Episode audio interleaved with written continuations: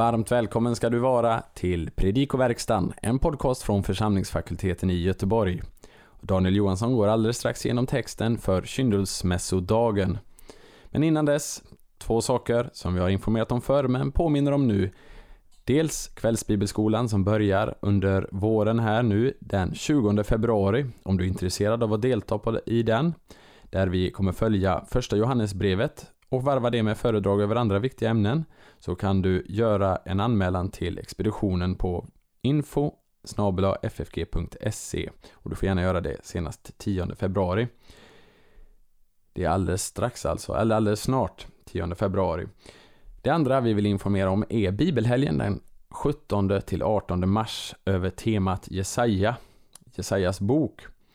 Det här är alltså Daniel Johansson som ni hör alldeles strax och också Torbjörn Johansson som kommer leda oss i bibelstudier, fördjupade bibelstudier under, under de, dessa dagar över Jesaja bok. Om du är intresserad av att delta på denna bibelhelg så kan du anmäla dig till expeditionen på info ffg.se och det behöver du göra senast den 10 mars. Så alltså, kvällsbibelskola våren 2023 över Johannes första brev. Anmälan senast 10 februari. Eller bibelhelg 17 18 mars. Och den anmälan behövs göras senast 10 mars. Men nu, det vi har väntat på. En genomgång av texten för kyndelsmässodagen. Vi önskar dig en god och välsignad lyssning. Den alternativa predikotexten för kyndelsmässodagen den tredje årgången kommer från Matteus 13, 31, 33. Den sammanfaller faktiskt med andra årgångens evangelium på andra söndagen i advent, så när som på en vers. I den senare läsningen läggs vers 34 till. Läsningen utgörs av liknelserna om senapsträdet och surdegen hämtat från Matteus stora liknelsekapitel, kapitel 13. Detta utgör det tredje av de fem stora talen i evangeliet. De här talen finns ju i kapitel 57, 10, 13, 18 och slutligen 24 till 25. De här fem avsnitten kännetecknas av att de avslutas med orden och det hände efter att Jesus avslutat dessa ord eller liknande formuleringar. Kapitel 13 innehåller sju olika liknelser och texten utgörs av liknelserna 3 och 4. Vi ska se lite närmare på den grekiska grundtexten och jag vill påminna om att de företeelser som kommenteras är understrykna i handouten under fliken predikoverkstan på FFGs hemsida. Vers 31 Eh, adjektivet homojos här i femininum singularis eh, tar dativ. Det vill säga det himmelriket liknas vid står i dativ. Vidare relativpronomenet hon eh, syftar tillbaka till kokko sinapios, senapskornet och blir direkt objekt för verben. Relativpronomenet ho som inleder vers 32 Syftar också tillbaka på senapskornet men får nu funktionen av subjekt. Mikrotteron är komparativ men har som så ofta i koinegrekiskan förmodligen superlativisk betydelse och vi bör översätta med minst. Men hänger samman med det efter kommatecknet med betydelsen å ena sidan å andra sidan. Panton ton spermaton är en partitiv genitiv, det vill säga senapskornet utgör en del i en helhet. Det är minst av alla frön.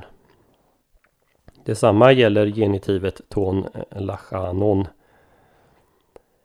Verbet auxethe är passivum men har aktiv intransitiv betydelse. Det växer. Infinitiverna elthein och eh, kataskenon bildar tillsammans med ta peteina en ackusativ plus infinitiv sats och översätts konsekutivt. Så att himmelens fåglar kommer och så vidare. Verbet enekrypsen i vers 33 betyder ordagrant att gömma. Satatria översätter vi tre seamått. Ett seamått motsvarade cirka 13 liter. Tre seamått skulle alltså vara 39 till 40 liter, vilket är en extremt stor mängd mjöl. Heos följt av ho betyder tills.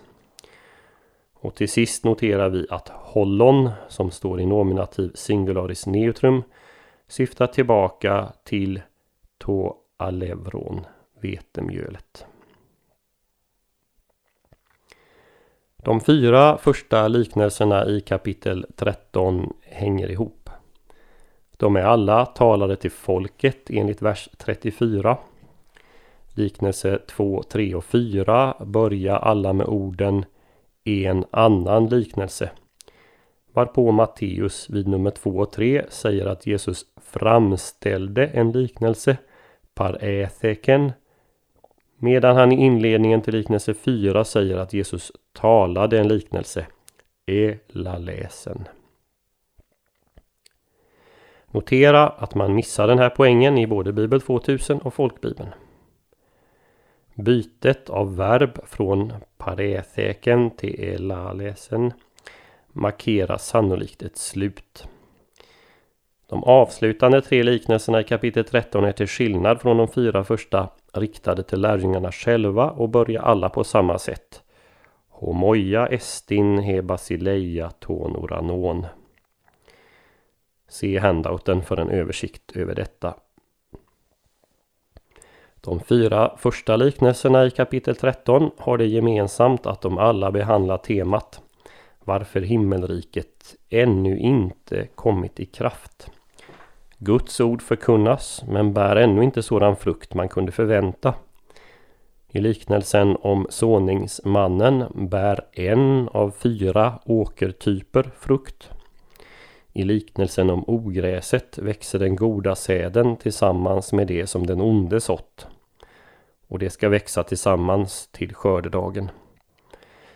Liknelsen om senapskornet och surdegen kontrasterar båda den ringa betydelsen, hur det ser ut under Jesu jordiska verksamhet, med vad som ska komma en dag. Notera hur Jesus använder eh, kraftiga överdrifter för att få fram sin poäng. Av det lilla senapsfröet blir inte bara en trädgårdsväxt utan ett träd som fåglar kan bygga bo i. Det senare är sannolikt en medveten överdrift för senapsträd blir normalt inte så stora att fåglar kan bygga bo i dem. Men det är just det som är Jesu poäng. Det som idag är litet och föraktfullt som ett senapskorn ska en dag överträffa alla förväntningar.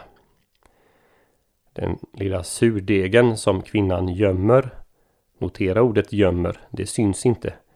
I den extremt stora mängden mjöl, 40 liter, kommer en dag att ha blivit genomsyrad och jäst till en enorm deg. Det är omdiskuterat huruvida liknelserna enbart framställer en kontrast mellan början i ringhet och det storslagna slutresultatet. Eller om den organiska tillväxten också är en väsentlig del i framställningen. Troligen är kontrasten huvudpoängen, men växten är inte utan betydelse.